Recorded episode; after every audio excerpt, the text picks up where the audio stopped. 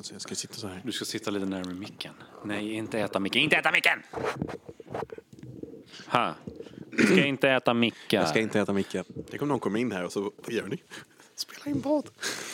Vi spelar in radioporr. käft! Säger vi då bara. Vi spelar in radioporr och jag skulle Men det är precis komma med som- pizzan. Fan, är, det, är det en genre? Radio? Radioporr? Så här Podd, poddporr? Kanske borde bli. Ja, och någon måste jag först. Jag kan vara, jag kan vara den här, eh, jag kan vara musiken. Det, så lätt kommer du inte undan kan jag säga. Om vi ska göra det. Hi, did you order a pizza?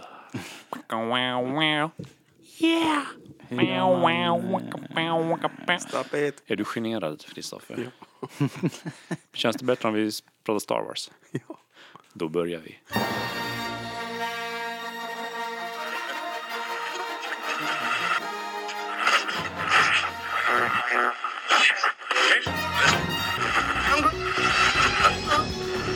Rebellradion.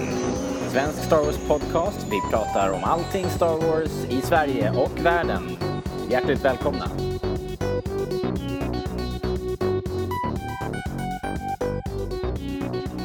Hej! Du lyssnar på Rebellradion, svensk Star Wars podcast i samarbete med Starwars.se och vi är tillbaka igen. Och den här gången är det jag som programledare, Daniel. Och jag har med mina sidekicks. Vill ni säga era namn? Okej, jag säger det. Kristoffer Hej. och Robert. Ja, Ja. sidekicks eller psychics? Eh, mina R2D2 skulle jag säga. Jag hörde sidekicks. Sidekicks. Ja. Okej då. Psychic mediums. Mm. Ja, Och idag ska vi prata lite allt möjligt. Vi har ju bland annat varit på Comic Con och vi har två purfärska intervjuer som vi har spelat in. ja. Eh, vi har dem nedskrivna så tänkte vi läsa dem högt som vi radioteater. kör som en radioteater den här gången. Ja, det kanske är ett bra koncept, det vet vi inte. Nej, vi testar nu. Och sen kommer vi fortsätta omfamna prequel-trilogin lite eftersom vi höll på med det temat både på starwars.se och i podcasten. På lite olika sätt.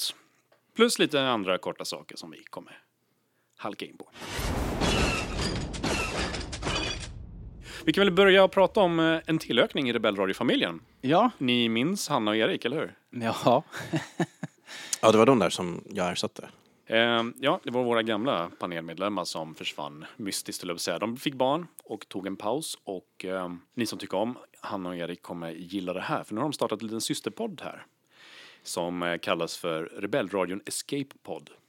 Och den finns att ladda ner redan nu, första avsnittet. Första avsnittet eh, kom väl för en dryg vecka sedan när ni hör det här. Det kommer vara lite djupare diskussioner om olika ämnen. De kommer inte så här fokusera jättemycket på nyheter utan Nej. lite filosofiskt kanske, lite familjärt. Ja, men det är lite ja. snicksnack. Och det, det, det var roligt att höra för att de, eh, de är ju som sagt småbarnsföräldrar nu och eh, de kan inte låta bli att eh, liksom reflektera allting eh, i, alltså de, de, det är ju där de är i livet så att allting eh, på något sätt eh, eh, kretsar kring nyföräldraskapet på något sätt. Det kändes så tyckte jag när de satt där och babblade. Eh, väldigt trevlig podd och hoppas ni, eh, hoppas ni verkligen att ni gillar den. Ja, absolut. Jag lyssnade på första avsnittet och det var svinbra. Jag är glad över att ha en Star Wars-podd att lyssna på som inte är min egen. Ja, Eh, skönt att slippa höra sig själv. Ja, exakt.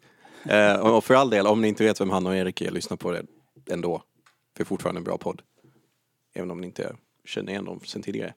Ja, Vi har ju kanske fått nya lyssnare det senaste året. Det är precis, men det är fortfarande värt att lyssna på dem även om man inte har hört dem förut. Ja, och eh, ja, de dök ju upp i, i våran poddfeed här så att det, är det, är- ni behöver inte göra något extra. De kommer, eh, Rebellion Escape Pod kommer att eh, dyka upp i samma, samma feed Det, på det, iTunes. det är sånt bra namn. Det, det är så att jag, kan vi inte kicka dem och ta namnet? Jag tycker det var jättefint.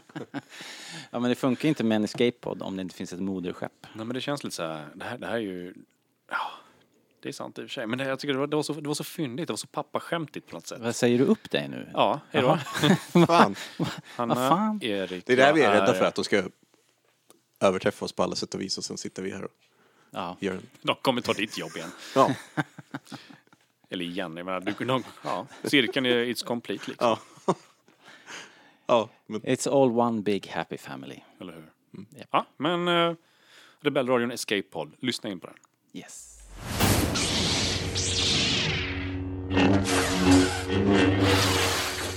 Ja, nu är det november, snart december och eh, finns det någonting som återkommer i december så är det ju julen. Men förutom julen så har vi även Musikhjälpen.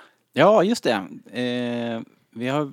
Vad är Musikhjälpen? Ja, Musikhjälpen är ju P3s stora välgörenhetsgala. De kör väl direkt i en... De sänder direkt dygnet runt i en vecka, tror jag.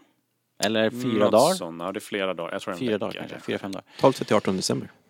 Just det. Måste räkna. 12, 13. Ja, Ja, och eh, i år är de i Örebro tror jag. Eh, I en liten glasbur. De brukar vara på ett torg någonstans och så kör de live. och det brukar sändas på SVT också. Ja, just det. Precis, man kan se det också. Och då eh, kan man ju hjälpas åt att samla in. Man kan ringa in och man kan önska låtar eller så kan man hjälpa till att skramla pengar på diverse sätt. Och, eh, och i år tänkte vi göra en liten insats här på Rebellradion som vi hoppas att ni då som lyssnar, eh, om ni inte vill eh, bidra direkt med cash eh, så kan ni ju åtminstone sprida det på sociala medier så att eh, de som eh, kan vara intresserade av de här grejerna som vi tänker auktionera ut så att de får ordentlig spridning. Det är rätt coola grejer. Vad ska vi auktionera ut? berätta. Eh, vi har två grejer som ska läggas ut. Tanken är att de ska läggas ut på Tradera. Eh, och eh, vi väntar egentligen bara på att Tradera ska dra igång sin, eh, sin eh, gemensamma satsning då med Musikhjälpen. Det bör vara när som helst nu så att det kanske redan är när ni hör det här. Så ni får hålla koll på starwars.se kommer att synas eller på vår Facebook. Men det vi ska lotta ut på Tradera eller sälja på Tradera är två auto, vad heter det, signerade prylar. Eh, det är en serietidning, Episod 1 serietidning signerad av Pernilla August. Det är sant faktiskt. Eh, faktiskt. Eh, jättefint, hela försättsbladet, stor fin autograf eh, av Pernilla August. Och vi har fotobevis på det också. Ja, att den är signerad av Pernilla. Har, ja, det var ju så. Jag var och träffade henne. Ja. Och eh, så jag hamnade hemma hos henne. Det var inte beredd på. Helt oförhappandes. Nej, jag trodde jag skulle till något kontor eller till henne. För jag hade ju det här är inte Tatooine. nej, nej. Eh, Jag hade pratat med hennes eh, people, liksom. Vad heter det? Eh, Agenter. Ja, agenter och så. Så, eh, men hux flux så satt jag där vid hennes köksbord. helt starstruck. Vad svettades. Och tog världens sämsta selfie med henne gjorde jag också. Det var helt fantastiskt. Nu säger jag det här, men jag vet inte om jag vågar lägga ut den för den är så fruktansvärd. Använder du innekameran eller utekameran på mobilen? Jag använder nog innerkameran. Men Då det roliga är att i bakgrunden på tapeten så är det någon liten tavla eh, som eh, liksom flyter ihop med mitt öra så det ser ut som mitt huvud exploderar. Vänta, tog, tog du också en? Eh, ja, som vanligt tog jag bara en. Ja, ta alltid, ta, Out of focus. ta alltid tio. Ja, det kan vara, den kan ta priset för världens sämsta selfie. Ja, vi får se om jag törs lägga upp Den den. låter jag, ganska spännande i och för sig. Eller jag har ju sett den och det ser verkligen ut som att ditt huvud liksom exploderar. som mitt öra, eller som mitt öra eh, har en grotesk utväxt i form av en madonna liksom. Som en, eh, som en bonus kan vi ju auktionera ut den bilden också om ni vill. Ja, det är fantastiskt. Ja, nej, men den här signerade serietidningen är den ena. Och den andra är en eh, actionfigur av Shmi Skywalker, signerad också då naturligtvis. En, Mint on jag vet card. inte om man kan säga att det är en actionfigur när det är någons mamma. Men det är, en, det är i alla fall en plastfigur i, eh, i, från Hasbro. Jag har, jag har ingen koll på hur ovanlig hennes autograf är, men jag kan ju tänka mig att det, det är väldigt sällan man ser Pernilla August till exempel på sci-fi-mässan eller liknande. Så att, eh, Ja, det här är rätt ju- ovanlig. ändå. ta tillfälle i akt. Ja, alltså den är inte jättevanlig den här autografen. Eh, Hon, eh, hon skriver inte jättemycket autografer och framförallt så finns det inte väldigt mycket Star Wars eh, memorabilia med hennes kråka på. Så att det här är faktiskt en grej. Och eh, ja, så är, ta chansen. Ja, alltså, klarspråk. Det är ju typ den ok ocoolaste actionfiguren som finns. Men i och med att den är signerad blir den ganska cool. Faktiskt. I sin ocoolhet, tycker Ni, jag. ni får det, beror, det beror på hur man ser det tycker jag. Den jag, är ju tämligen unik, skulle jag gissa. Ja, Absolut. alltså den, den här, vad jag har förstått, eh, den här, fasen också, nu har jag inte personens namn, den här actionfiguren är skänkt av en samlare. Har inte förberett mig ordentligt nu, därför har jag inte ditt namn, jag ber så mycket om ursäkt. Men vi kommer naturligtvis att ge dig cred i, eh, Show notes. i show notes och i, eh, eh, när de här grejerna ska auktioneras ut. Så grejen att den här actionfiguren då är, den är ganska ovanlig. Den, vad jag har förstått så har den inte sålts eh, i någon större utsträckning i Sverige. Av alla ställen. Och Eh. inte sälja den på. Ja men exakt, verkligen. Där, där det möjligtvis skulle kunna vara någon som kände igen henne. Liksom. Eh, så att, eh, för det här var ju då mot slutet av prequel-eran. När, när det, all den merchandisen, när det började sakta ner. Så då, då hann väl inte de här leksaksvågorna ut i, i Sverige. Var den så sen alltså? Jag tror det. Ja, jag antog bara att den kom med den där jättevågen med episod 1. Med Nej. när allt kom. Nej, Liksom. jag tror inte det. Okej, Utan intressant. den, den dröjde lite. Men grymt. Ja, En uh, ocool figur som blir cool figur som är väldigt unik. Ja. Och ni gör någonting för miljön, höll jag på att säga. Ni gör någonting för Musikhjälpen. Och eh, vad är det de samlar in pengar för? Eh, det är för eh, det är det är till skolor i eh, ja, krigsdrabbade områden. Mm. Så det är för, för att barn ska kunna gå i skolan helt enkelt. Väldigt eh, behjärtansvärt. Det är alltid bra liksom. Eh, Radiohjälpen. Jag Så för, kan inte, jag menar kan inte köpa våra grejer så lägg en slant ändå. Förra året var det väl, eh, de fick väl besök av eh, Nordic Garrison, kommer jag ihåg. Jag slog de brukar, de brukar stå där och skramla. Ja, precis. Nordic Ja, eh, Vader och lite och. Rebel Legion är Ja, alltid det. engagerade i såna här grejer. Så de kommer säkert synas. Nice. Hjältarna i Alltid.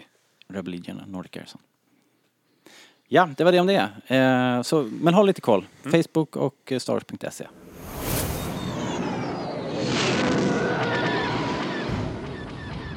Då är vi tillbaka här, höll jag på att säga.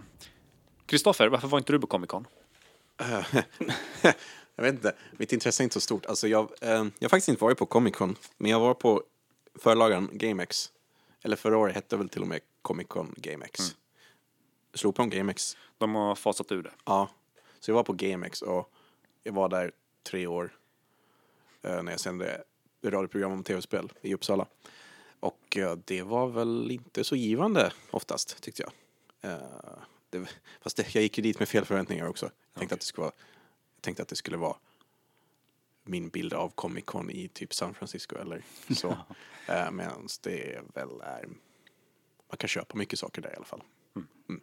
Eh, så ja, inte min grej riktigt. Okej. Men Robert, du var där. Jag var där. eh, och jag måste faktiskt säga att i år var det bättre än det varit. Tyckte jag. jag tycker de har lyckats locka lite bättre gäster.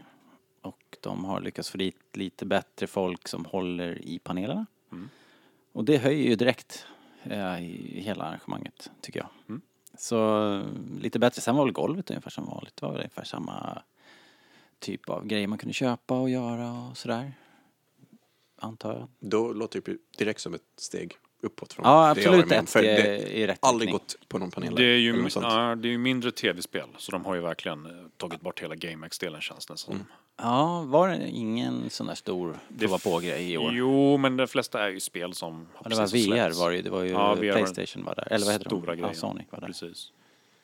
Men det känns som att det går mer och mer åt comic-hållen. Ja. Alltså comic, serier och tv och film och såna grejer. Ja, ja men så att det, det är helt klart ett steg i rätt, rätt riktning. Och för första gången så var det um, en panel som jag inte kunde gå på och som jag där jag liksom tänkte att fasen jag missade en panel. Det har ju aldrig hänt att man har tänkt i de här sammanhangen. Vilken var det? förut. Det var första dagen så hade um, Kim W Andersson en panel. Mm, just det. En svensk serietecknare och han hade den med Jesper Röndahl, ledde den. Eh, som är, han är ju komiker, Jesper Röndahl. Och eh, ja, det var jag i alla fall lite sugen att gå på.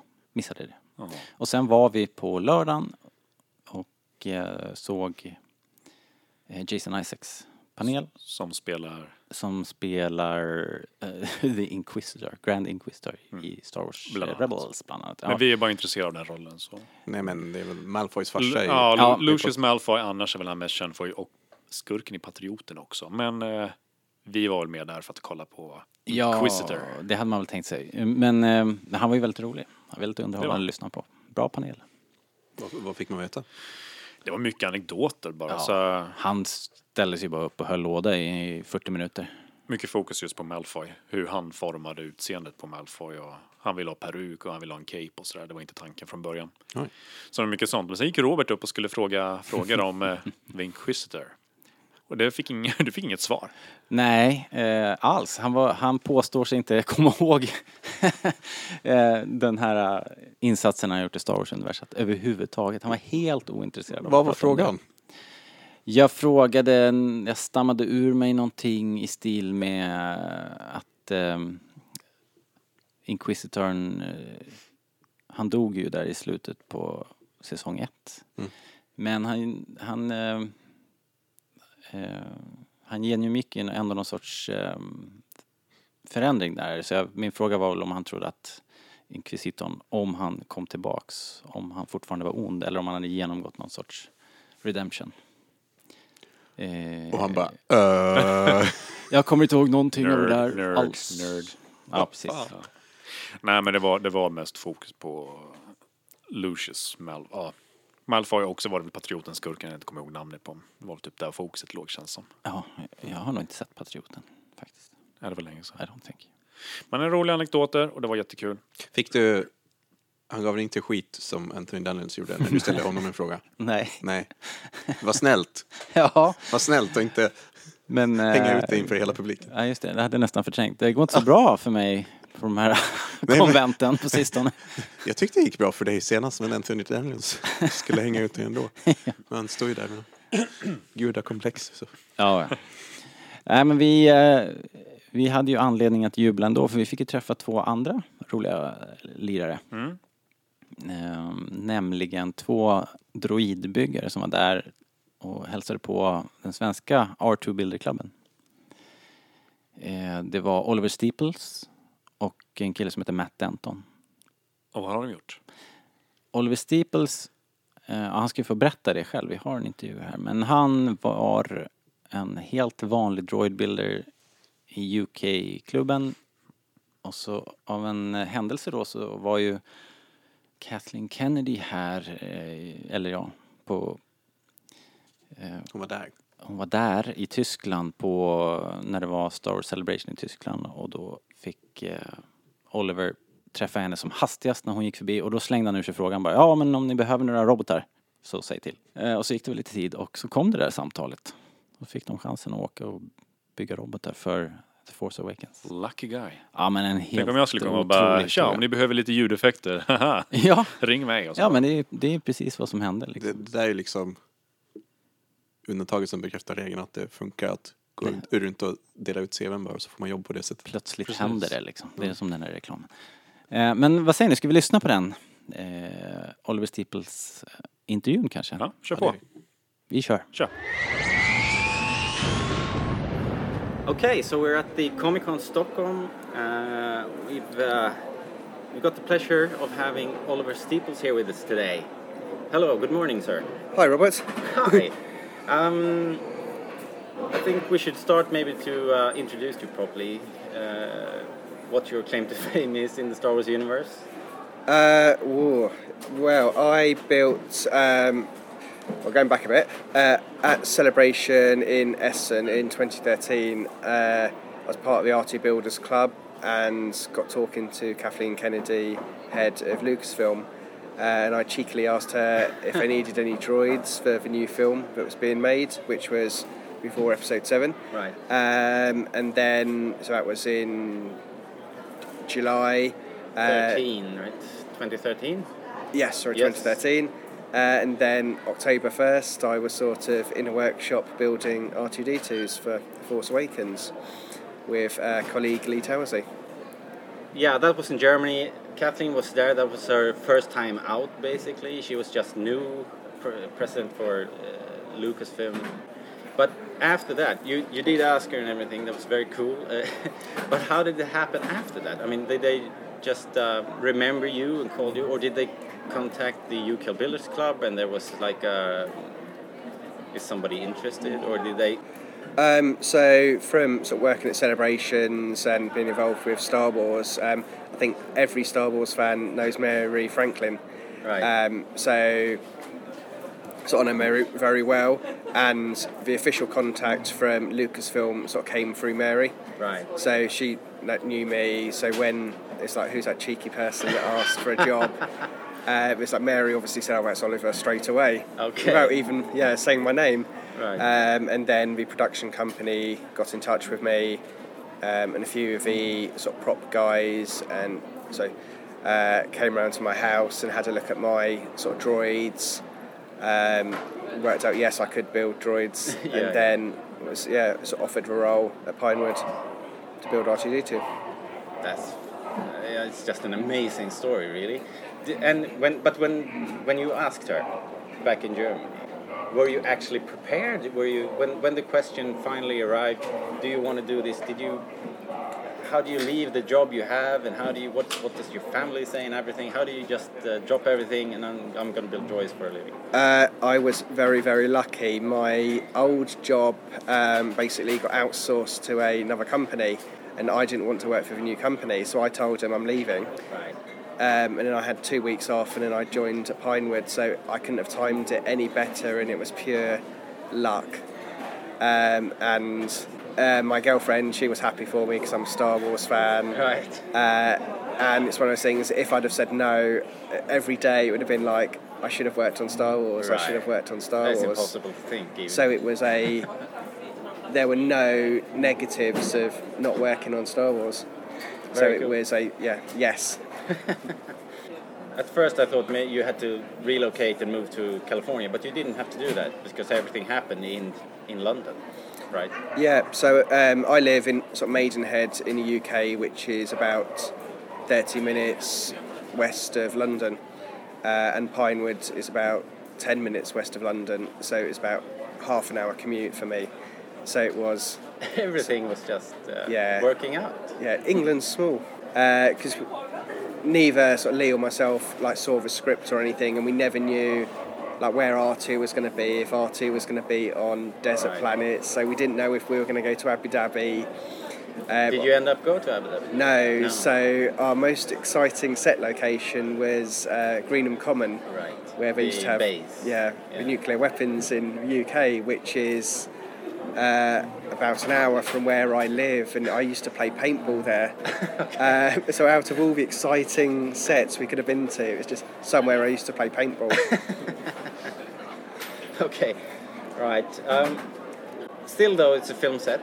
It's not painful day or anything. It's a new experience for you to make films, I guess. Uh, I'm thinking the pressure of being on a film set. You don't quite know uh, the order of everything, how everything is going to happen during the day, maybe, and you are going to have to have the droids ready and working all the time. Was that a huge pressure on you, or was it just like rolling along? Um, I'm really lucky. So before uh, sort of Star Wars, when I was at university, I did I was in Robot Wars for three years. Oh, okay. So that's basic robots fighting robots Yeah, and yeah, robot yeah. control. We're sort of working with production companies and TV, Ah. so it's very much uh, we're filming in five minutes. You got five minutes to get ready, um, and then you're sitting around for hours doing nothing. Yeah. Um, and then with R2, I did a with Lee again did an advert in the UK for Currys, which was a TV production company that's a bit more fast paced. Okay. yeah. Um, so when it came to working on the movies, it's different from working on TV um, or adverts, but it was the same um, sort of how it works, sort of, uh, sort of waiting around for something to happen, and all of a sudden it's like you're on set in two minutes with a sort of three-legged R2 or a two-legged R2. Um, and then you're waiting around between set takes for 10 minutes, so it's very much um, I wasn't new to, new to that aspect, but so it was yeah, yeah. Okay. Still, so you had some experience going into it. yeah. It would have been completely different if I hadn't have had the exposure beforehand. It would have Right. been like every day would have been panic, panic, panic. Okay. Uh, if we're going to talk about R2, then, what kind of um, R2 did you build for for the movies? Did you already have an R2 working properly, or did you start all over again, build a new one, scratch one, or maybe several more? um, so we went actually back to basics and sort of what is R2. And because R2 is such a well known character, you can't change the outside at all. Right. Um, so what we did was just uh, tweak some of the electronics, um, some of the mechanics, and just brought it sort of 30 years into the fu- future, really, Yeah. to where we are now. Um, so we updated like the motors, updated the s- speed controls. Yeah. Um, but when you look at the sort of film droids we made, um, they're just very sort of reliable. There's nothing to go wrong. We don't have sounds on them. Okay. We don't have lots of gadgets that open. It is very very simple. And if you put any of the droids here at Stockholm Comic Con next to like, our film droids, Right. um, the sort of club droids here, they have opening panels, Yeah, yeah. sounds. Everything is moving They're days. far more advanced than the ones we built for film. Right. Um, but you had to build several then. You you, you, you said three-legged and two-legged Uh, R2s. yeah, sorry, forgot, forgot my question. um, so we built four droids in total, of which sort of three were used. Right. So we had a inside droid with a lower ground clearance and two-wheel drive, uh, one that for outside shots and rough floors that had three-wheel drive. Oh, okay. uh, which is very challenging Yeah. with the middle foot steering and sort of powered. Um, and sort of Matt Denton, who did BB-8, helped with all the electronics Okay. and me- mechanics of that. Um, then we had a two-legged droid for the sort of shots where Kenny Baker would have been in it classically. Yeah.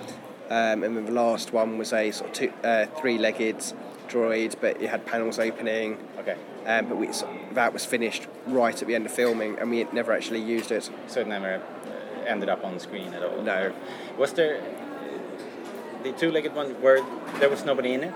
There was nobody acting uh, in Kenny's place or anything. Uh, no, not for episode seven. Okay. Um, it's very hard to get someone with dwarfism to sort of fit in Artie because Right. Kenny was so uh, unique. He was sort of three foot eight and sort of very strong for his size, Right. and so it's very hard to get someone like that. Okay.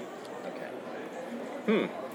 Interesting. So, is there a special memory, like on set, like the worst day on set, or maybe the best day on set, wherever?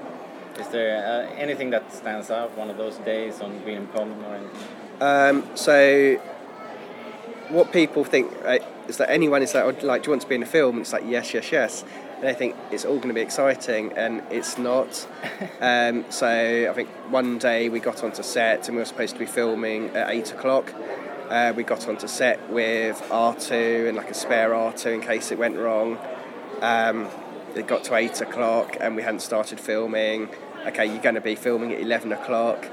So came to 12 o'clock. Oh, you're on after lunch. So after lunch, it's like, no. Um, Wednesday turned into Thursday, it turned into Friday. Um, and then, so we're waiting around on set for three days. And all, when you're on set, you get really bored. And all you can do is eat like free food. so, and play on your iPhones. Yeah. Um, so it can be incredibly boring, um, and people don't realise this, and I think, oh, it's going to be really exciting, Yeah. and it's not in at re- reality.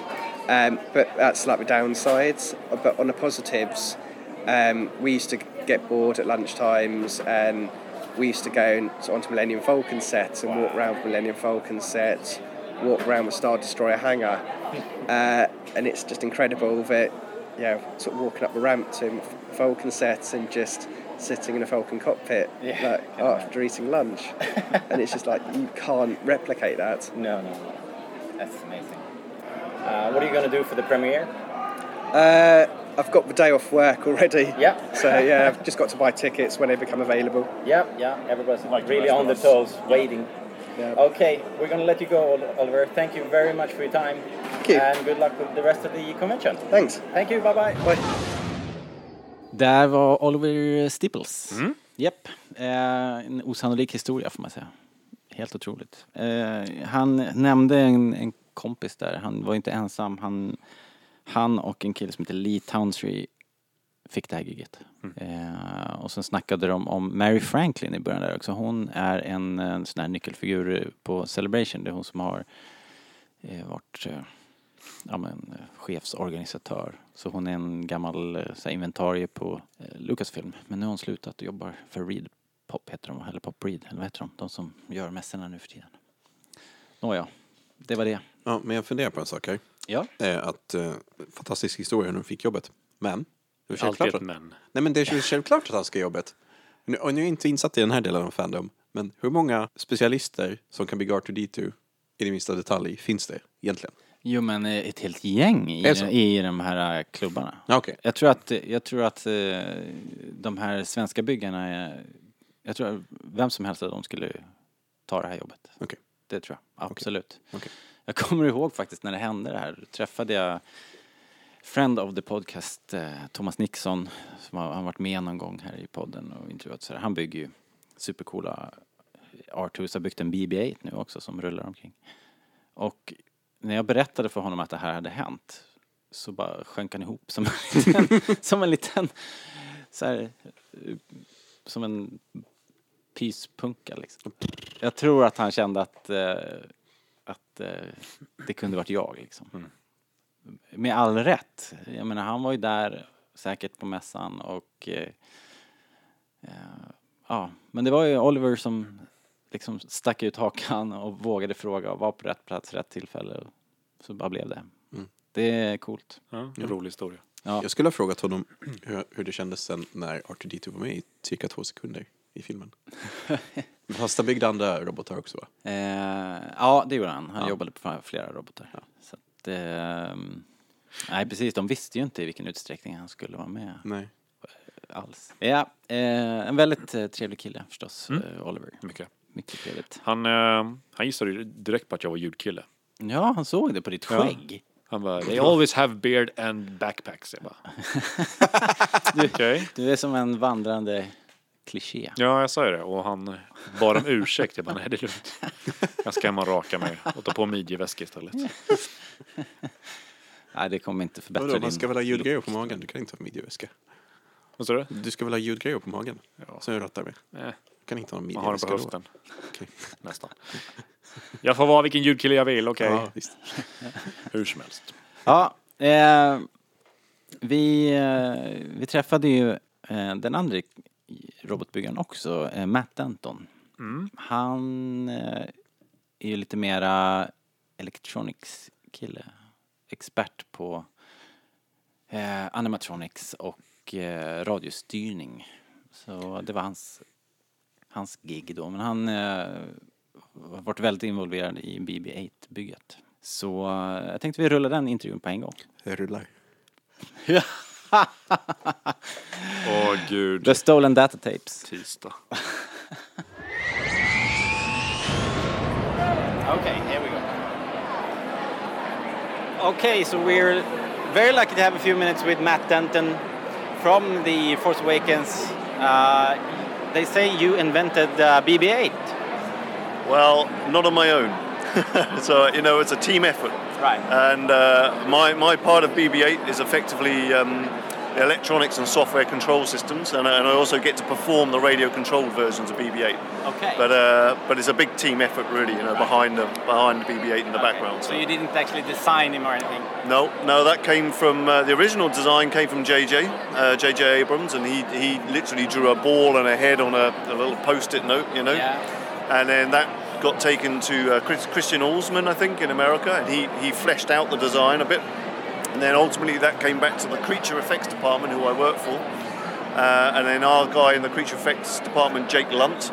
He ended up with the final design and colorings of BB-8 and shape and what have you. So, Okay. yeah.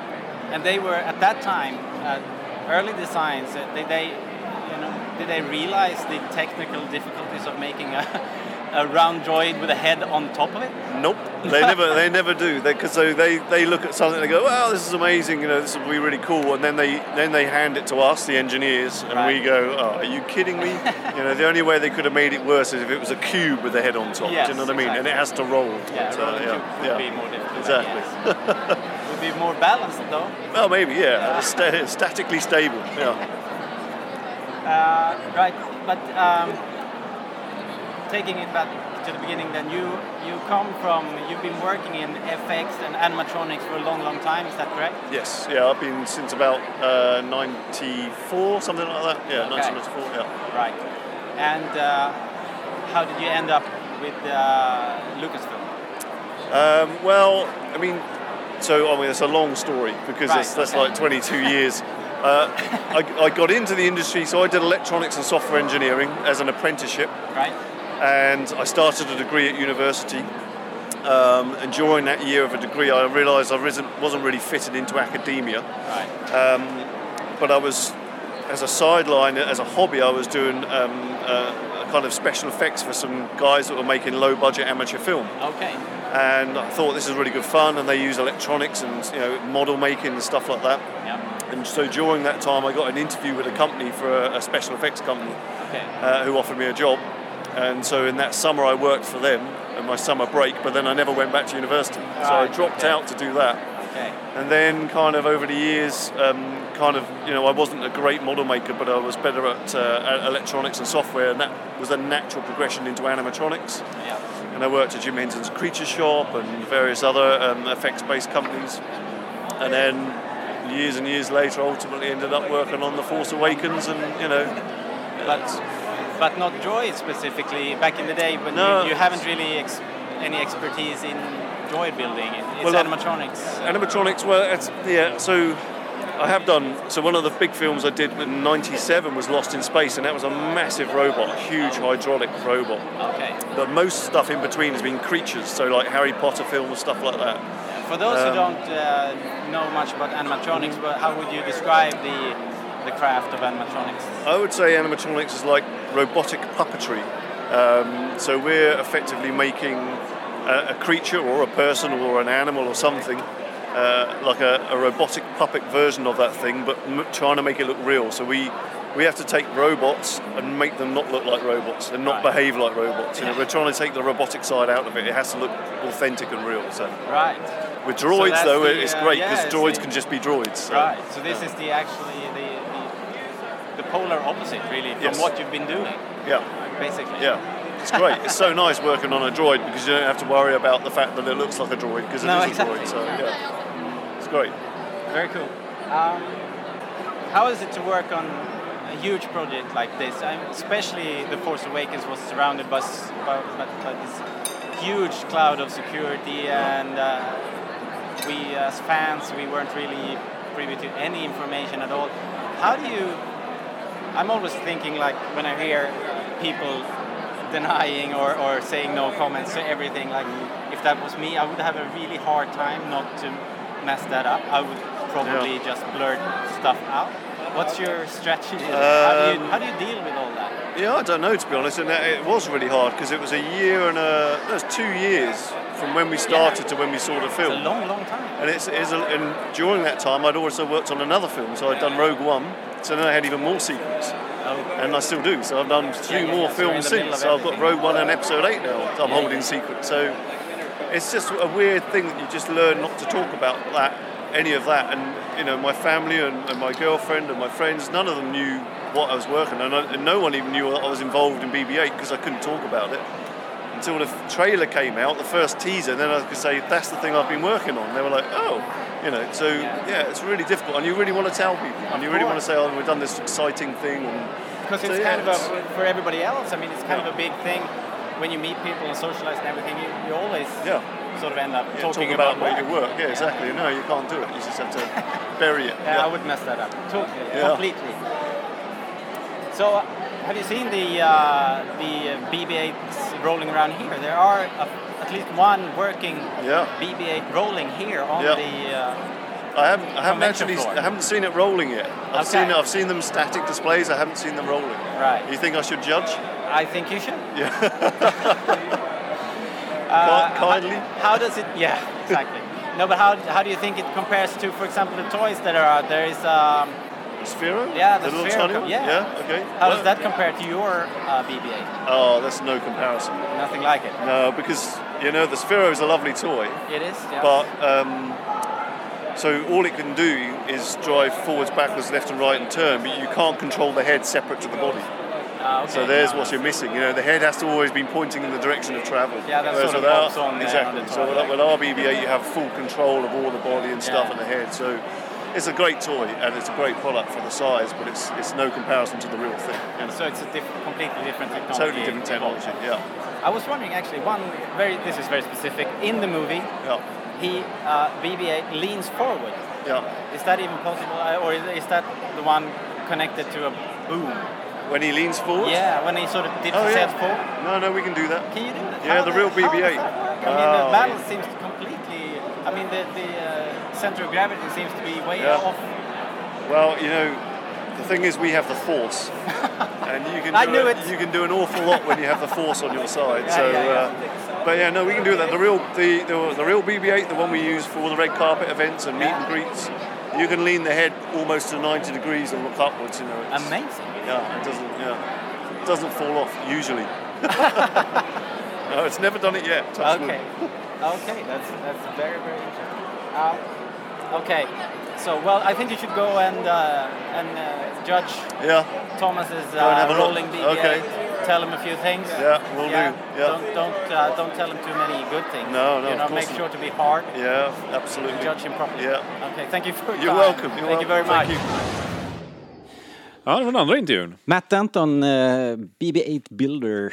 Jag måste ge props till att du kommer på frågor, för jag, jag är urkass på att komma på frågor. Synd att jag inte höll micken närmare munnen så ni Ja. hörde dem bara. Nej men seriöst, seriöst, jag skulle, skulle jag intervjua skulle jag sitta där med, med ett papper och bara Vad är din favoritfärg? Vad är din favoritmat? Men Daniel, du är så duktig på andra saker. Du kan andra grejer. Du är också bra. Som att inte jonglera. Ja, till exempel, bara för att nämna en sak. Men alltså, Eh, jag förstår fortfarande inte hur BB-8 funkar. Nej, inte någon som gör. Han sa ju egentligen bara att de hade kraften på sin sida. Det, Ja. det, det måste ju vara någon, vi får väl... Är det en hemlighet? Liksom, Kraften eller? confirmed. Är det en hemlighet? Eh, Jag antar det. Mm. Eh, De här eh, som bygger själva nu, de, de får ju lösa problemen själv också. Det finns ju ingen ritning att köpa Shit. liksom. Vad Hur jag vet. funkar han liksom? Jag Ja, men det måste ju vara, vi får, Är det en stor vi får intervjua Thomas Nixon eller då, som har byggt den. Det måste ju vara en stor fet gyro som snurrar där inne. Kristoffer, du får hemläxa. Till nästa podd så ska Ja. du ha listat ut där. Precis, vi Och vill, jag vill ha, se- vi vill ha scheman. Om, Jag är inte om PowerPoint. ingenjör, PowerPoint. PowerPoint. PowerPoint. Ja, precis. Minst 10 sidor Jag är PowerPoint. inte ingenjör så där kommer ju vara liksom att, som en... 10 slides. Vet No inte. excuses. Nej, men då får du en roligare utmaning. Hur funkar ett träd och sen ska en bebis förklara det liksom. Det är bara va? Beskriv, beskriv fotosyntes liksom, det går inte. Även en bebis Det går växa. inte. Vad är det här för... eh, det går väl, Jag sa det det. går väl alldeles utmärkt att Jag sa ju fungera. det, kraften. Kristoffer, du ger upp för lätt. Ja, mm. Right, hörni. That is Eh, why you fail. Det var... um, De här två gubbarna i alla fall. Det var, det var min höjdpunkt på Comic Con i alla fall. Jag tyckte de var väldigt Mm. trevliga och kul att prata med. Det var inte så jättemycket Star Wars annars. Det var väl... eh, det var en liten hörna där med uh, droidbyggarna och sen Garrison och Rebell. Ja, de, Gänget. de eh, hade ju jättefina montrar. Men det var inte så mycket serier. Så jag gick runt och spånade lite i serien, hörnan. Nej, Eller seriehörnorna. Och Nej. det var inte så mycket Star Wars comics där känner jag inte. nej, alltså min tid i övrigt på Comic Con var ytterst begränsad så jag kan inte påstå att jag eh, skannat av så jättenoga Mm. faktiskt. Men... Ja, nej men som en, någon sorts slutkläm så tycker jag ändå att mässan har tagit ett steg i rätt, rätt riktning. Ja, Jag har börjat acceptera någonstans att det inte... Man får ta det lite för vad det är. Det går inte att få det så stort som i USA. Vi Så- kommer inte få det. Så ni tyckte som jag i början?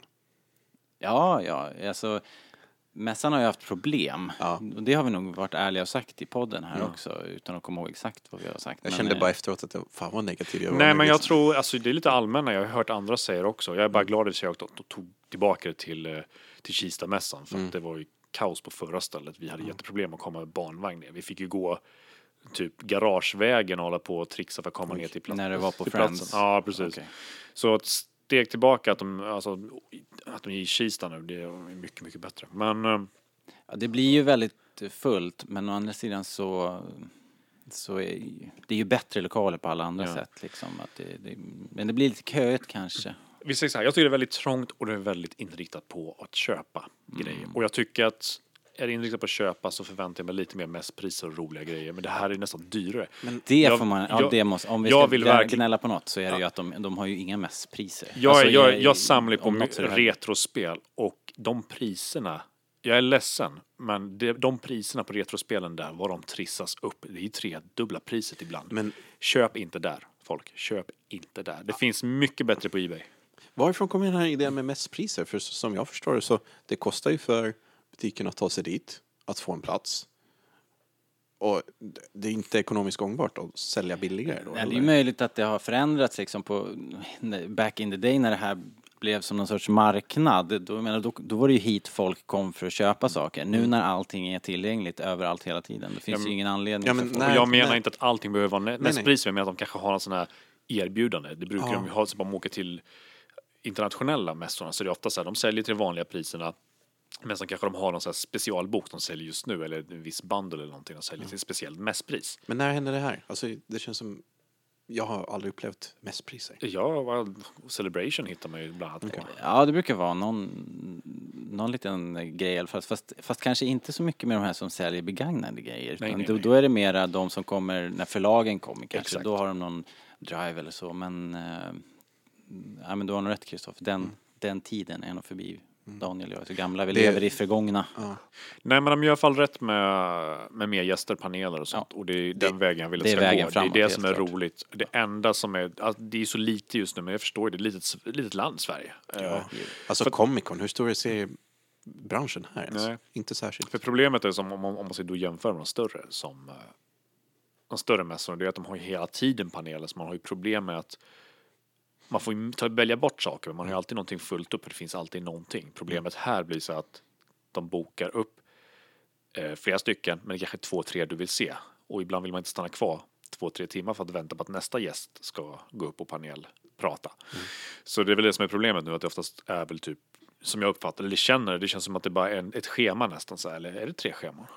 Nej, men det är flera scener. Det är så flera, det, finns, ah, okej. eh, det finns mer att se. Och jag tror också att de här um, mindre panelerna har varit ganska uppskattade där. Droid Builders har varit. och Ah, det har okej. varit eh, Ja, är kom, kostymorganisationerna är där och håller låda. Men eh, dels är det väl att vi har sett dem kanske några gånger och sen eh, ja, det är väl egentligen det. Jag tror, men, jag tror inte att vi är målgruppen.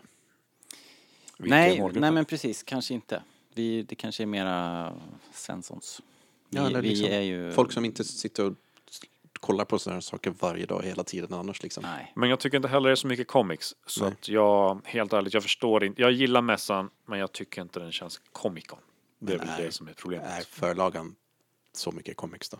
Nej men precis, jag tror att Comic Con har blivit eh, är ett, ett eget monster liksom. Det är populärkultur. Det är bara, det är bara ett namn. Popcorn.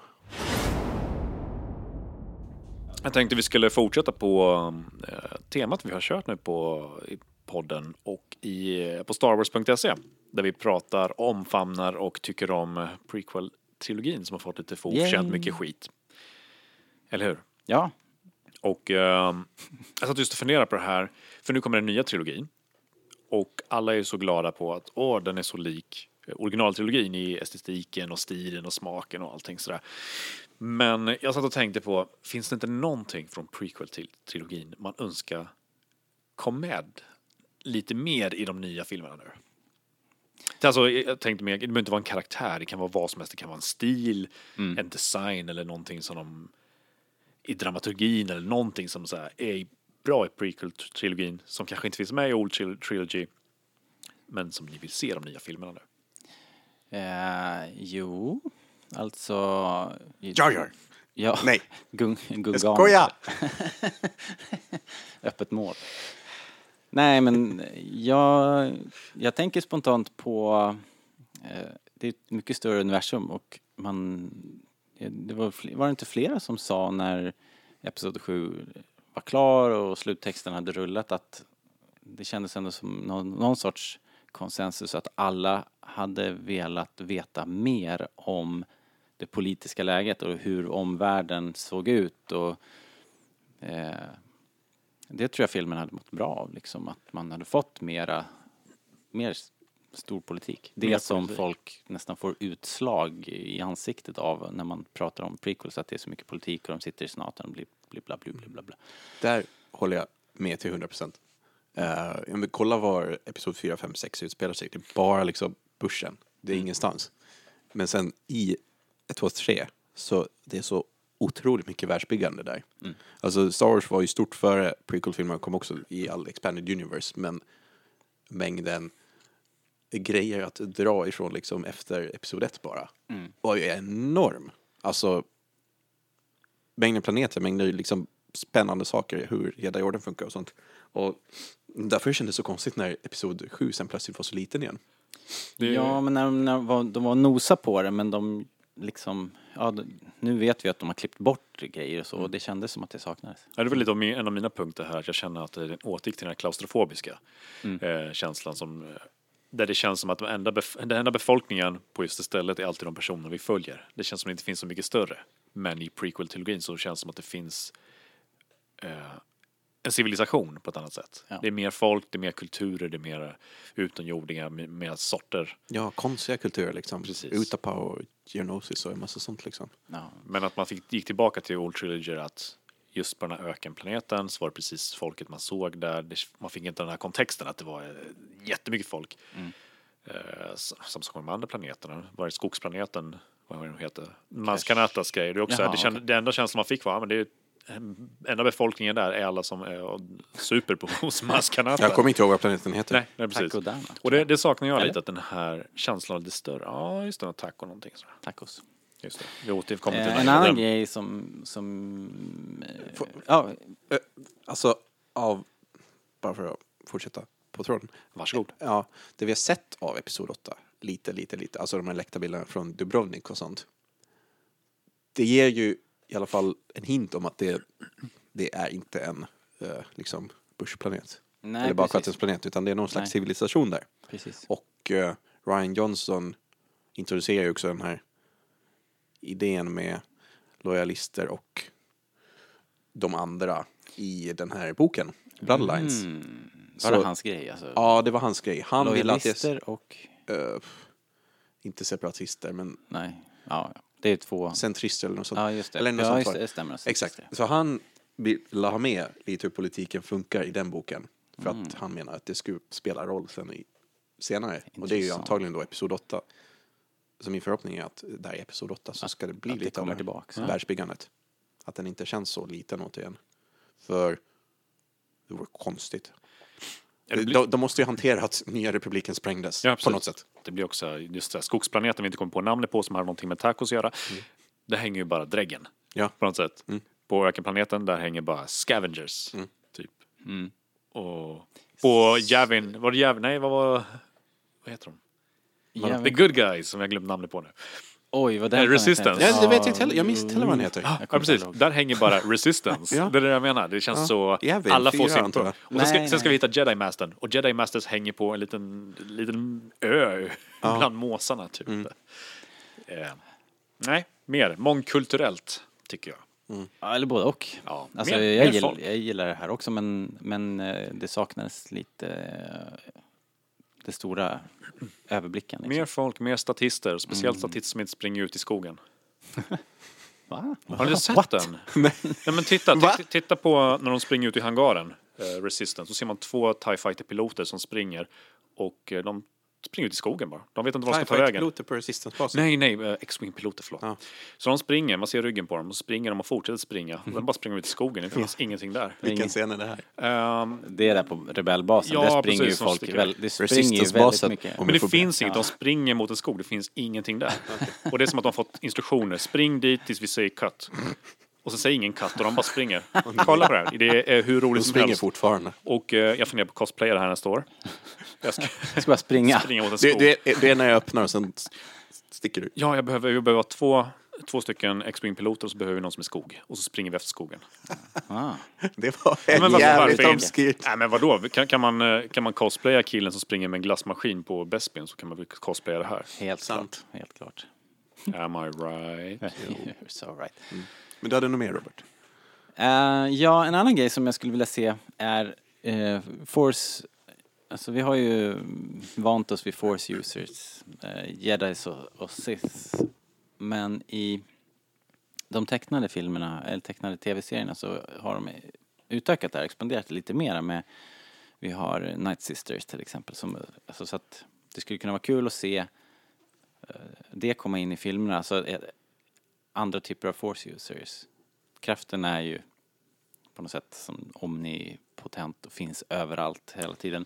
Men det finns ju liksom ord. Ja, jag har läst på. Jag läste en bok. Omnipotent. Förlåt. I alla fall. Fortsätt. Eh, kul att se andra, andra typer av force users kanske. Den är lite sammankopplad med, med en annan punkt som jag har. Eh, Och det är väl lite att får veta lite mer om Sith. Det gillade jag, att man fick veta mer. Mm. Vet inte riktigt vad jag tycker, för att det är lite kul men när det är mystiskt. Mm. Eh, men jag samtidigt så tyckte jag att det var kul om man fick någon form av Siths eh, miljö, alltså man fick veta lite mer om dem på ett annat sätt. De är inte direkt Det är väl inte Som jättemycket Jedis. egentligen i, eh, i filmerna. Alltså, väl- Allt det där har ju kommit sen i böcker Ja, men du får ju mycket det här att de är två, de är ju force wielders på ett annat sätt också. Ja. Eh, men just att de använder mycket manipulation och sådana grejer. Mm. Eh, det tycker jag framgår mer i nya trilogin än vad det gör i gamla trilogin. För i gamla trilogin så, Ja, där är det där, bara... sä, där säger man ju inte ens att Palpatine är en Sith. Där, alltså, där man nämner ju inte en Sith någonting. Utan Vader är en, fast det får man ju veta i text, andra texter. Det, får, det säger de ju inte i filmen att han är Dark Lord of Sith. Eller har jag fel? Jag tror inte det sägs Nej, faktiskt. och vad är det man vet om honom? Ha, en Sith är typ en jedi som blivit ond. Ja. Det är allt man får veta.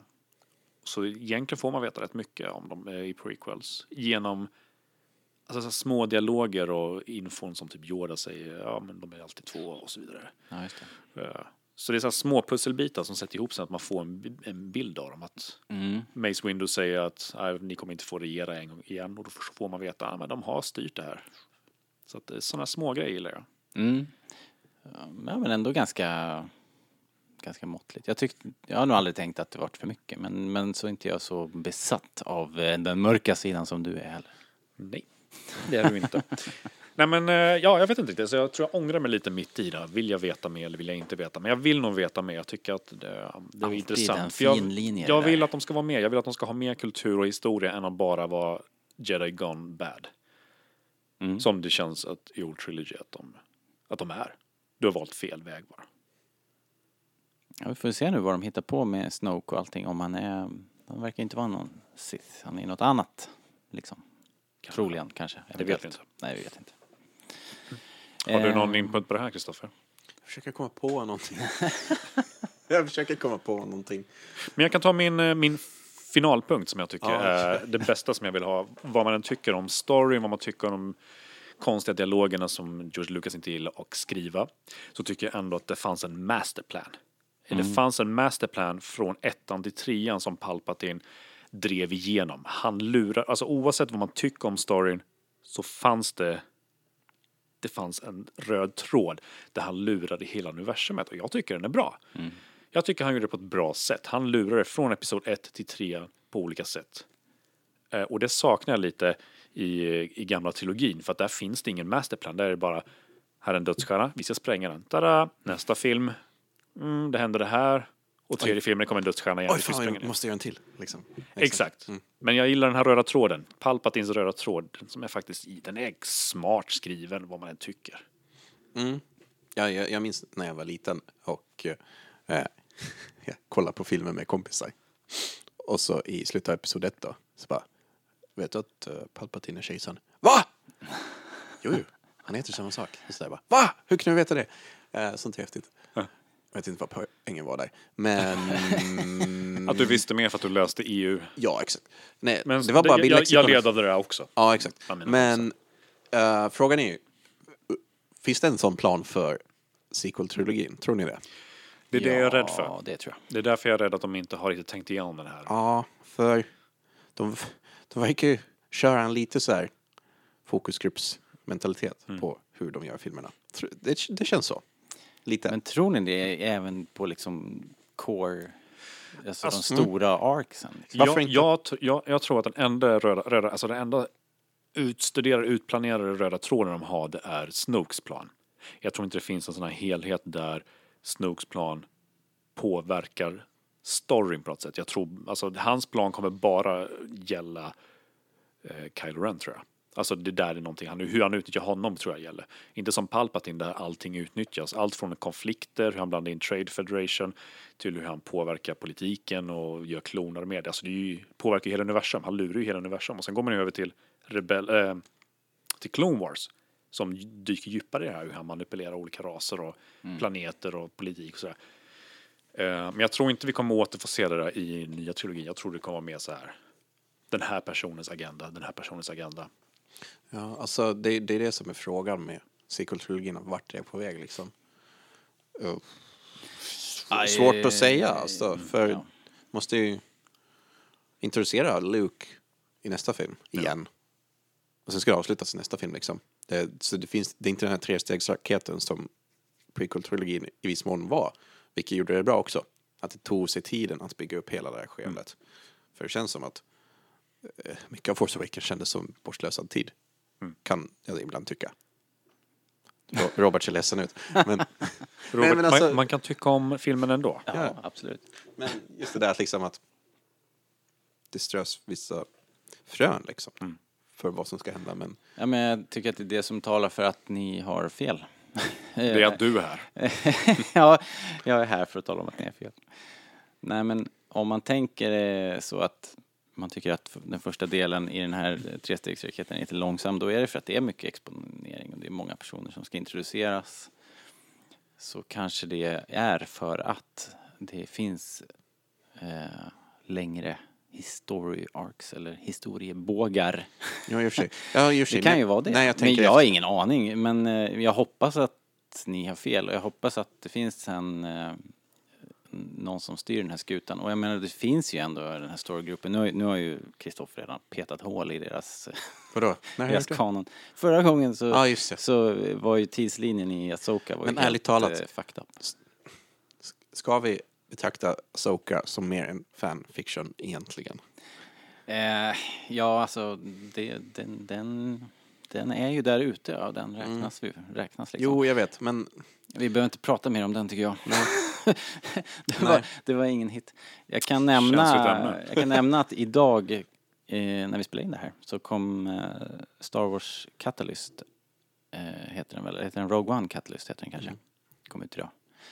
Och jag har börjat lyssna. tyvärr hann vi inte klart till poddinspelningen. Nej, det var omöjligt. Ja. Men eh, jag, ska inte, jag ska inte spoila någonting, men det är bra så här långt. Så kan, vi, så, så kan vi säga. Men eh, nu när vi snackar om det här så kommer jag på Ray såklart. Där kan jag säga att det finns en plan. En trestegsraket. En person ja. Men, Nej, men där kan jag säga att det är en Ja. trestegsraket. Alltså i ren handling liksom. Att det finns, det finns en slutpunkt som de har funderat ut. För, för det, jag, jag glömde bort huvudpersonen i filmen, förlåt. Men, Ja, nej men jag förstår vad ni menar, att det, det, det är centrerat runt de här personerna och deras livsöden, men det kanske inte, kanske inte, det kanske inte är någon stor så här, masterplan för att ta över universumet. Nej precis, för jag känner så här, vad är planen med First Order? Eh, Än att de bara är ett vapen mot, eh, hur ska de påverka? Förstår du vad jag menar? För just nu känns det som att, vad, vad är nästa steg för First Order? Det kändes som de enda man hade var, det var ju eh, Starkiller Base. Och nu försvann den och så bara, ja, men jag fick inte känslan av någonting annat. ja, och För, jämf- för, för, för som tar man tar Phantom Menace så känns det som att hotet var ju att eh, Naboo var under belägring. Och de lyckades spränga de här skeppen som var Trade Federations skepp. Men det kändes fortfarande som att hotet var inte över. För det, de var ju oroliga för att Hassif kommer tillbaka. Och allt var inte okej ännu så här. Och det fanns en sån här, alltså det kändes ändå det här var bara en liten spelpjäs. Och det är det jag saknade i Force Awakens. Det kändes som att, tada, nu var filmen slut. Jo. Och jämför med originaltrilogin också. Den, den känns ju improviserad i handlingen Mm. från övergången från 4 till 5 till 6. Vilken den också är liksom. Eh, Och det blev en bra story ändå. Ja. Men mm. Ja, jag klagar inte. Jag tycker fortfarande det är bra. jag vill bara ha nej. mer av Jag bara ville poängtera liksom att just det är speciellt för prequel-trilogin att det finns en plan i, genom hela. Och det är en aspekt av prequel-filmerna jag skulle vilja säga. Och jag tycker den är bra. Och jag vet att många av mina vänner och så har alltid ifrågasatt och klagat på hur snabbt allt gick, hur alla blev lurade, hur Anakin blev Vader så snabbt. Men det är inte så snabbt. Det är jätteutstuderat. Och det är ju år emellan som vi inte får se också. De är inte dina vänner, Daniel. Nej. Ja, nej, jag, jag håller med. Jag, och jag, jag, eh, jag tror att, eh, alltså hela den här hemlighetsmakeriet med Snoke och allting, det måste ju, måste ju leda någonstans. Jag tror ändå att det finns, det finns mycket här som vi inte har en susning om. Så det kommer nog bli, jag tror att vi ska få lite av det där också. Hoppas det. Har ni några andra prequels-element som ni skulle säga?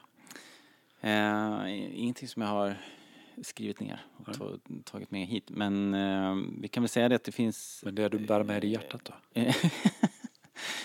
det har jag låst in där. eh, men eh, det finns en artikel på stars.se eh, där eh, det radas upp lite favorit prequel moments. Eh, kan ni titta på om ni är nyfikna vad vi, vad vi har för favoritscener. Vi kan ta Jedi-skutt bakåt, våld bort dit. Vad tycker ni är, vad har ni för favoritscener från prequel-trilogin? Jag har en som jag är så här, ibland bara stoppar man i Blu-rayen eller DVDn och bara kollar en scen. Och den scenen jag kollar på då är fighten mellan Obi-Wan och Jango Fett i Episod 2. Ja. Jag tycker den är asfett. Den är bra. The Rumble in the Rain. Ja, jag, jag, Fighter i regn är alltid bra. jag tycker den är asfett och jag gillar Camino som miljö och Slave One är där i bakgrunden och Jango Fett är fett cool. Och, Åh, Eh, och, nej, men jag gillar den tok mycket. Ja, överlag, Jag fil, tror- filmen flest scener som jag går tillbaka och kollar på är Episod 2. jag tror För jag tycker hela Battle of Geonosis är asfett också. Även fast det är liksom bara data blaj så är det fett. Jag tror vi fick eh, poddnamnet för den här månaden. Data blaj. Django är fett som fan. Eh, ja, ja, den där är ju med på min lista också. Och eh, stridsscenerna på Geonosis när det här stora Federation-skeppet stiger men så blir det nedskjutet och faller tillbaks. Liksom drar upp det här stora dammolnet och så är det en fight där. i- Just det. Det är ju fantastiskt rent visuellt. Ehm, Men jag är ju... Jag gillar ju Episod 1 eh, ganska mycket. Törs man säga det? Jo, det är Eh, jag gillar men du, men podracingen. du, du blir bortklippt. Ja, precis. Eh, Jag gillar podracingen och eh, jag gillar eh, eh, naturligtvis eh, Darth Maul liksom. Det är ju, Det är också en favorit. Ja. Men eh, om- bara en fråga till Django Fetts uh, fighten där. Vi försöker komma på, finns det flera fighter där en jedi slåss mot en, eh, en icke-jedi eller en icke-sith som eh, Alltså Det- man mot man eller ja, man mot kvinna, vil- vilket som helst som är en mot en som är alltså en bra fighter, inte typ jedi mot 50 Nej, alltså, generiska inte soldater. Luke slåss ju på Jabbas barge där, men då använder ju han sin ljussabel och det är många. Men det, då, precis, då är det, så det- generiska... det är väl det som är poängen med den fighten, Django-fighten, att det är inte den jedi utan ljussabel som slåss där. Vill vi önska in en sån kanske? Alltså det är flera bra motståndare som uh, put up a fight, vad heter det? Som sätter, gör lite motstånd för jedis och, eller siths som inte nödvändigtvis är lightsaber eh, användare. Ja, sen så jag Ja, gillar, så den känns autentisk den fighten också. På så sätt att, jag menar, Duel of the Fates är ju cool, men den känns också väldigt koreograferad. Den här känns skitig och effektfull och den är jättekort, men Mm, ja, jag håller med. det, det är punch i den så att säga. Det blir problem man har eh, jedis och sith som är så oerhört eh, eh, liksom eh, ja men de är, så, de är så kraftfulla på alla sätt och ljussabeln är ju oövervinnlig i princip. Så det är svårt att, att, skapa den, det, det krävs ju en Sith för att stå emot en jedi nästan då. Men Django och Boba, mm, de klarar ju och Ja, Boba klarar ge, inte. ge en liten fan, nej inte just Boba klarar inte. inte den gången, men vi har ju sett i andra medier att han Bobba att är han inte kan- fett som fan. Nej. eh, vad heter det? Men eh, de, de har ju uppfunnit lite kryckor i eh, Clone Wars. Det finns en, en förhistorisk ljussabel som finns i, i Mandalorian ägo och sådär som och då, så att man kan fäktas med någon som inte jedi liksom. Eh, å andra sidan finns det ju Vibro Blades. Nu när jag tänker efter, de här ro- robotarna i Episod 3 är ju, de fightas ju med jedis. Mm, men de är, de är också generiska grunt-soldater. Jag tänkte mest på mina huvudperson, lite mer en egen Jag gjorde en person. liten ljudeffekt där. Hörde ni det? Jag tror, jag, tror, jag tror det var din mage som kurrade. Men en eh, mer. Mandalorians kanske. De är, Ja, eller de alltså- är lite mer attitydiga och klarar av en fight. Alltså jag skulle gärna se Boba Fett i Episod 8 bara av två orsaker. Att Boba Fett skulle få en karaktär och att Temora Morrison skulle få ett jobb. Boba Fett kommer aldrig komma tillbaka för att det finns ingen poäng för honom. Jo men det är det jag vill se, att de gör en poäng av honom. Ja, men det, fin- det skulle ju bara vara om han är Snoke. Nej. Jo, vad ska Nej, komma tillbaka bara haha, bitches I'm back och så bara Han Solo är död. Ah. Jag vill att de gör en poäng av honom och att Temora Morrison får jobba. För han har ju förhoppningar efter Episod 2, bara yes, nu, nu blir det pengar, nu blir det jobb liksom. Men det blev aldrig det för honom. Och han har ändå hängt kvar som rösten till Bobba och Django, så liksom, ge honom en chans. Ja. Eh, Hashtag ge honom en chans. det skulle väl funka. Han skulle ju såklart... Alltså, han behöver inte ha en stor roll, men bara någonting. Ja, han kanske dyker upp. Vet inte. Vad heter det? Eh, Min favoritscen. Ja, dina scener. Ja, dina scener. Likadant. Jag ser, Få att du, höra. vä- jag ser att du väntar med förväntningar. väntar med förväntningar, dagens ord. Ehm, den jag spontant kommer att tänka på det är eh, när Palpatine sitter med Anakin och pratar om Darth Plagueis. Ja. För den gillar jag. Jag gillar stämningen, jag gillar atmosfären, musiken, allt sitter och jag gillar skådespeleriet när han berättar. alltså, jag var tvungen att tänka, jag fastnade lite. Jag blev så Det finns en rolig historia bakom varför den scenen blev som den är också. Han låter ju, Palpatine låter lite hes och så, vilket bidrar till liksom stämningen. När han, liksom, det är som att han andas in allt det där gamla liksom. Det var för att det var så, de hade just blivit klar med den där scenen, eh, eller scendekoren liksom. Så det var massa glasfiber eller sågspån i luften som han hade andats in. Och därav låter han så, han låter annorlunda i den scenen. Den går lite hand i hand med det där som jag sa innan. Jag gillar det. Där får man veta lite mer om Sith utan att det det är väl kanske den som är lite mest rakt på av alla. Ja. Men jag gillar det, jag gillar story, jag gillar att på något sätt förklara att de, är, de är inte jedis, de är inte samma sak som jedis. De har, de har mörkare sidor och eh, Nej, mer precis. morbida sidor. Typ. Den scenen lyckas ju också med att komma med en överraskning i den tredje filmen i en prequel-trilogi. Vilket är hela Anakins ursprung. Ja. Hintar på att Exakt. det kanske var Palpatine eller Plagueis som gjorde honom från första början. ja. Och det var inget man ens hade tänkt på förut. Jag undrar om, om de, alltså folk som inte var så superpålästa och insatta, om om de hade fattat där. Om, om liksom på rätten trillar ner där att han är, att det är han som är boven liksom. Mm. Det, det skulle man ju vilja veta. Eh, Det är en otroligt bra scen. Alltså jag har ju varit, jag har ju eh, varit med när, jag har ju varit med när eh, Anakin får namnet Darth Vader. Och de har varit förvånade.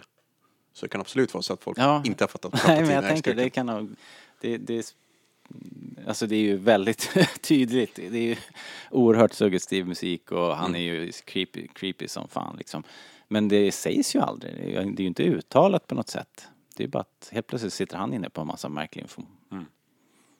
Eh, ja, det är bra. Bra scen. Mycket bra.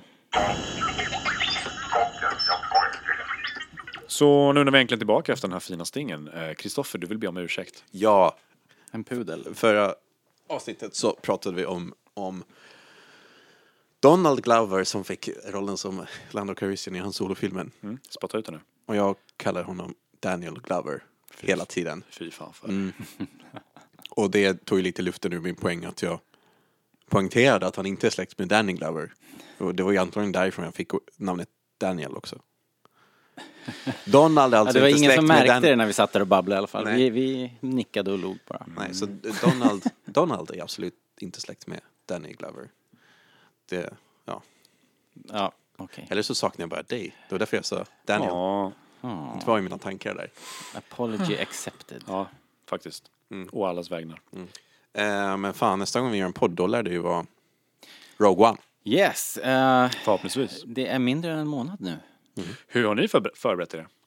Ja, Inte kolla på senaste trailern. Nej, precis. Nej. Kolla inte på den trailern ja, ifall ni är rädda för Kan, spoilers. ni kollar lite, kan ni berätta er reaktion på det? Alltså inte Ska jag säga ja, vad? trailern utan bara känslan av att Ja, vi hade ju pratat om... eh, När Ånger, vi pratade trailer. ångest. Ja, ja, lite, ja, det var väl inte så, så farligt kanske. Men det var, det var ju en trailer som ja, men precis visade lite för mycket. Och Mm. eh, vi hade ju sagt eh, innan att, eh, jag satt ju där och sa att äh, men det, jag är inte så känslig för det där, bla bla bla. Men faktiskt så, det slank ur mig en liten svordom. Och du varnar det och och jag är ju trotsig. Jag tänker, säger Robert så här så tänker inte jag lyssna på honom. Och så tittade jag också och jag ångrar mig. Jag ångrar mig djupt. Det var flera spoilers. Ja, som jag hade överlevt om jag inte hade tittat. ja men precis. Så att, eh, ja, är det inte för sent så kan ni ju undvika. eh, Det är den japanska Trailer. trailern vi pratar om va? Ja, precis. eh, Ja, Jag försöker hitta här direkt citat från eh, dig Daniel, när du precis hade sett den. Det var typ nej, nej, nej, digital, nej, analoga jävla skithjärna, varför gjorde du så här mot mig? Något i den stilen. Ja, jag, Och, min, och då kände jag, jag ska inte kolla. Mm, jag och min analoga skithjärna har- hamnar i konflikter ganska ofta med varandra. Ja. Men eh, nog om det, höll jag på att säga. ja nej, Eller vill du säga någonting mer? Nej, undvik den bara. Men- Det, det, den, eh, det, det är ju mer liksom, och så kan de inte riktigt hålla sig utan de, de går över gränsen. Jag har sett lite så här preview-bilder på trailern. Mm. Och jag tror att de bara bekräftade vad jag trodde att jag visste efter att jag så för förra trailern. Ja, för att jag har ju- alltså, Men, men säg inget. Nej, jag ska inte säga någonting, men jag har, jag har sett stillbilder som folk har använt eh, Mm, det har fladdrat förbi på Twitter och av vissa av de Ja, spoilers också. Så att och jag, då fick jag, Svårt att undvika. jag vill inte ha det här bekräftat men jag tror jag fick det bekräftat. Okej, jag tänker inte bekräfta det. Men eh, hur jag, vilken fantastisk Men på tal om att förbereda sig så är jag faktiskt eh, ganska pepp på den här eh, Rogue One Catalyst som du nämnde. Mm. Boken som kom ut eh, idag när vi spelar in den 15. Eh, som ljudbok och Ja, men då kan vi ju recensera den då. Tror du att vi kommer att ha tid att prata för det? Nej, om, om den, när det vi kommer precis vi sett filmen? du från vettet Robert? ja. men Eh, vi vi ska kanske- göra Super Rogue One special nästa gång. Ja, just det. Ja, nästa gång är det ju Rogue One. Det, är Det får inte komma andra nyheter för de Vi kan, inte vi kan om. inte börja... Ja, men vi kanske vi får kan skriva inte, ihop en recension. Vi kan inte inleda med att snacka om prequel-boken då. Nej, det kommer vi nog inte kunna Om klara vi inte gör en liten minipodd innan. Eh, Ja, vi har inte schemat klart för oss det riktigt. Men, men jag, skulle prata om tro att, eh, jag skulle tro att nästa, nästa gång ni hör oss, då är vi nog eh, superspeedare efter att ha sett Rogue One. Mm. Misstänker jag. Jag tror. Men ni har, jag, ni har tagit ledigt. Jag, har tagit, jag vet ju, alltså jag har inte fått några biljetter än, för de har inte släppt biljetterna än. Nu, nu när vi spelar in det. Jag, men jag har tagit ledigt och jag hoppas ju på att jag ska få tag i tidig visning. Så jag, som, som vi gjorde med Force Awakens. Så jag kommer ju, jag kommer ju sitta där och titta varje dag nu. Ja. på, om de släpper biobiljetterna snart. De borde, om de hanterar det här som en större Marvel-release, då borde den komma ungefär två veckor innan. Så då är det ju alltså, vad blir det då, runt första veckan i december. Två, tre, fyra. Ja.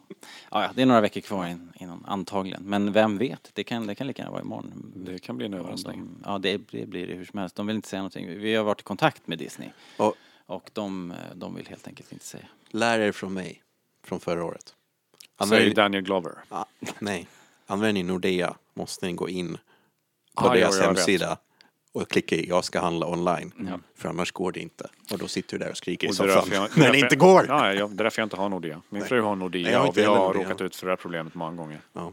Kom ihåg det, använd Nordea. Jag Ni måste klicka i för det. Man måste öppna kortet. Hör ni det Nordea? Safety first. Ni vill inte ha skitsura Star Wars-fans som inte kan köpa sina biljetter? Inte skitsura, bara mest liksom förkrossade. Bara nej, varför funkar det inte? Ah! Det där var en imitation av en skitsur. ja, okej. Ah, ja. Eh, ja, nej, jag har också sökt ledigt men jag, jag har inte fått ledigt än. Nej. Så det kan ju bli... Det spoila hela det, skiten kan- för dig. det kanske blir en eftermiddagsvisning, man vet aldrig. Eh, Jag lär ju köpa Det ska biljett. ske på den dagen i alla fall. Jag vill bara gärna ha så tidigt som möjligt. Ja, men det blir det. Det, det kan inte vilda hästar hålla mig borta. Som de säger i, I Solna. i, i Cartwrights. Hörni, eh, vad heter det? Sa vi det här om eh, Svenska poddradiopriset? Nej, du sa inte. Det sa vi inte. Eh, vi är tydligen nominerade i, Ja, i Svenska poddpriset. ja, för typ i tv och filmkategorin eller Exakt. någonting. Det är Eh, trevligt. Ja. Vet du vad som är trevligt då? Trevligt är om folk går in och röstar. ja, om ni tycker om det vi gör, liksom, gå in och rösta. Det är klart ni gör. ja, annars, annars skulle jag inte lyssnat på det här babblet Nej. en och en. Men eh, det går att rösta en gång per dag fram till den sju- 26 november tror jag. Så snälla rösta. Vi lägger vår tid och själ gratis här på att spela in en podcast. Vår enda belöning är att känna lite uppskattning. Vi gör det här för er. Vi har köpt nya mickar och vi har ökat vår kvalitet för att göra det här bättre för er. Herregud. Vi vinner ingenting på det här, men det skulle göra oss så jättemycket gott i hjärtat ifall vi kände att vi fick ett par röster. Vi behöver inte vinna, det skulle vara jättetrevligt. Men jag känner... Hur många röster måste vi få för att du ska... Hörru, hörru, hörru. Du avbryter mitt från hjärtatal här. Ja, förlåt. Det låter... Så... um, Om ni gillar det vi gör, om ni gillar Star Wars, precis som vi gör. För ni är mina vänner, även om jag inte har sett er. Ni är mina vänner. Rösta på oss. Jag klämmer fram en tår här. Det var ju oerhört Eller? gripande. Eller? Ja men det är sant. Allt det där. Jo. Allt det där är sant. Jo. Och eh, vi är dessutom, eller åtminstone jag, är ju såna här bekräftelse-junkies. Så att eh, ett litet tack så smälter jag ju. Och så får vi säkert en fin badge vi kan sätta på, på hemsidan och visa att vi har vunnit pris. Ja, ja. Jag tycker vi tar ut den här segern. Ja, vi tar ut den i förhand där. Nej men, vad- Jag vill bli röstad på! nej men seriöst, vi är nominerade. Om ni gillar oss, rösta. Det är jättekul. Japp, länken finns på Facebook och eh, Star Wars.se. starwars.se. Mm. Så eh, rösta. Det är er demokratiska rättighet och skyldighet. Ni vet hur det går om man inte röstar. Annars kommer Trump Podcast vinna. Ja, precis. Trump-podden. Så vill vi inte ha det. Okej, Har det hänt någonting mer? Nej. Tänkte jag. Nu får du av. Hörni, jag tänkte bara nämna snabbt att det har kommit ut, uh, bara förbifarten, det har kommit ut en eh, Blu-ray 3D-version av eh, Force Awakens. Se upp, det finns två utgåvor. Jag har köpt eh, den ena först som var bara en platt tråkig DVD, eller Blu-ray. Och sen hittade jag att det fanns en till som var jättefin hologram 3D-bild. Den är mycket finare, så ska ni det är köpa? en, ja, det är en liten tjusig slipcase med hologram på. Ja, det var det jag sa. Ja, fast det var ingen som förstod. Det Nej, är därför okej, jag förtydligar Daniel. Förlåt. Prata ur Men. Men, eh, ja, för er samlare, de har kommit ut nu. Köp. Har ni lyssnat på kommentatorspåret? Jag har inte ens öppnat dem. Nej. Jag har lyssnat lite grann. Eh, Och det, det kom en rolig liten eh, nugget där. Och, eh, att när, när Ray och Kylo Ren möts. Då säger JJ att eh, han, han babblar ju såklart oavbrutet om allt möjligt men han, det liksom slinker ur honom att här är de här två och den här dynamiken och bla bla och de här två som aldrig förut har träffats, säger han. Så att det är ju intressant ur eh, spekulationssynpunkt att Kylo och Ray har inte träffats förut. JJ Abrams är även en person som sa att Cumberbatch inte spelar i Khan. Ja, jag vet, men här känns det ändå som att garden var nere. Right. Hur som helst. Den innehåller nya, kom, eller, nya kommentatorspår, lite olika bonus features, bland annat två stycken som intresserar mig som jobbar med ljud. Det är Foley, A Sonic Tale, som handlar om eh, den fina, art, eller den fina konsten av tramp. Ja. Slå upp det ordet. Och eh, Sounds of the Resistance. Jag har inte kollat på dem än. Jag kommer kolla på dem. Är det sant att man använder potatismjöl när man gör snö? Tramp. I snö. Det vet jag inte. Va- Det får du kolla på dokumentären ifall de säger något. Men vänta nu här. inte du ljudtekniker? Jo, jag, jag tänker inte avslöja mina hemligheter. Nej, nej. Fan, korthuset faller Ja. ihop. Hörni, jag känner att här, den här tisdagen, nu när vi spelar in, börjar lida mot sitt slut. Dödsstjärnan är sprängd. Vi har åkt tillbaka för medaljerna. Är det dags att avsluta kanske? Yes. Ja. Eh, Men tack för att ni lyssnar. Glöm inte att skriva till oss. Rebellradion at starwars.se. Jag upprepar, rebellradion at starwars.se. Och vi finns på iTunes. Och ni får jättegärna passa på att ge oss femstjärnigt betyg. Gör det nu, inte sen. Okej? Och eh, vi finns även på Facebook. På facebook.com slash rebellradion om man inte orkar bara söka på rebellradion. Och eh, rebellradion.se och starwars.se. Vi finns på jättemånga ställen och ta det som passar dig bäst. Det var allt. Tack så mycket. Tack och hej. Tack Hej och hej, hej då!